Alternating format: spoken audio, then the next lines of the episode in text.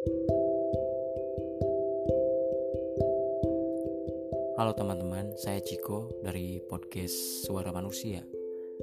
Ingin membacakan sebuah cerita pendek karangan saya sendiri.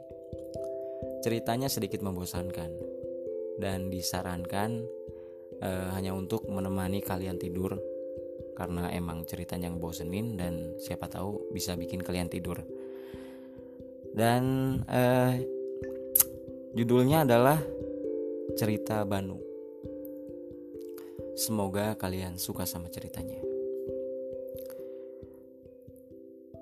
Kisah diawali dengan remaja bernama Banu. Dia berusia 23 tahun, seorang pekerja keras yang tidak sanggup melanjutkan kuliah karena faktor biaya. Ia tinggal di sebuah desa terpencil bekerja sebagai penunggu toko kelontongan di Jakarta. Ia merantau jauh demi mencukupi hidup orang tua dan dirinya sendiri. Sekitar satu tahun ia bekerja, ia selalu menyempatkan diri untuk pulang, untuk melepas rindu terhadap orang tua atau sang gadis pujaannya. Setelah satu tahun bekerja, Banu pun pulang ia menemui keluarganya, saudaranya, teman-temannya, dan melepas rindu terhadap mereka. Ia tahu, sejauh apa pun kaki melangkah, tujuan pulang tetaplah rumah, yang di dalamnya tersimpan pelukan ibu dan bapak. Tak lupa juga ia menemui sang gadis pujaannya. Ia bernama Mita,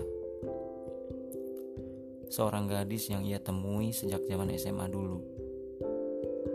Mita adalah wanita pertama yang Banu ajak ke rumah dan menemui orang tuanya. Banu dan Mita telah bersama selama lima tahun lebih. Dan Banu berencana untuk melamar Mita.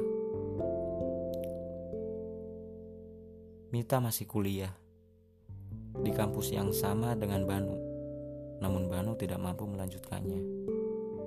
Mita mengambil jurusan ekonomi, sedangkan Banu mengambil sastra. Banu sering mengajak Mita ke tempat favorit mereka berdua. Hanya untuk menikmati kenangan mereka dulu sejak SMA. Setiap sore di ujung jalan dekat dengan lapang sepak bola, ia sering menghabiskan waktu di sana dari sejak SMA. Mita sering sekali melihat Banu bermain sepak bola, mendukungnya dari kejauhan sembari meneriaki namanya.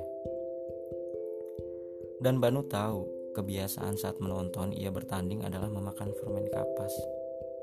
Ya, Mita sangat sangat sekali menyukai permen kapas. Namun Banu sering kali melarangnya karena nanti giginya bisa sakit. Mita, jangan keseringan makan permen. Nanti gigimu bisa sakit, kata Banu.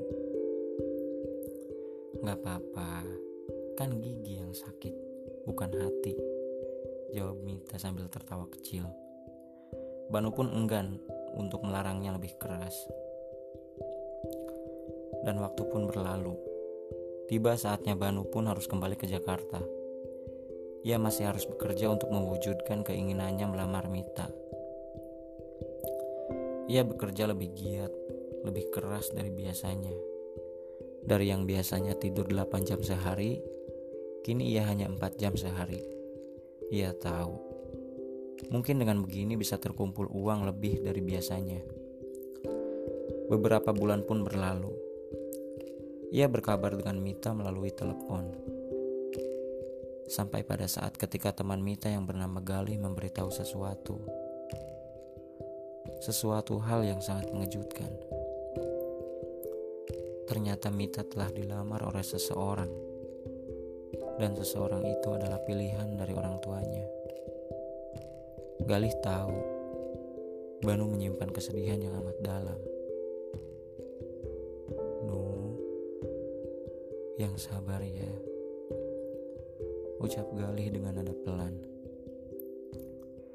Galih merasa iba karena ia tahu keduanya adalah teman baiknya. Iya, aku sabar Aku juga ikhlas. Kalau sama takdir Tuhan harus begini, ya aku turuti saja. Tak banyak yang Banu ucapkan.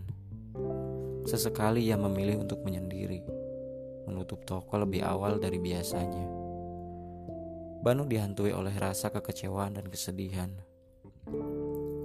Ini adalah pertama kalinya ia merasa benar-benar patah hati. Sebab ia tidak menyangka bahwa dirinya akan ditinggalkan. Bahkan ketika Mita menelpon Banu,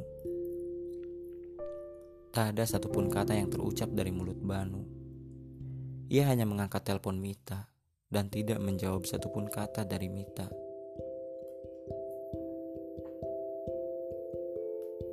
Nu, aku minta maaf. Aku tahu kamu ada di situ. Aku tahu kamu dengar, Nu. Nu, tolong. Apa pun yang terjadi sekarang, kamu mau mengikhlaskannya. Aku minta maaf, Nu. Ucap Mita dengan nada parau. Banu tidak menggubri satupun kata dari Mita. Ia hanya terisak-isak menahan tangis, lalu mematikan teleponnya. Dan kisah pun bersambung. Nanti kita lanjut ke part kedua. Semoga kalian suka sama ceritanya. Saya Ciko dari podcast Suara Manusia pamit. Wassalamualaikum warahmatullahi wabarakatuh.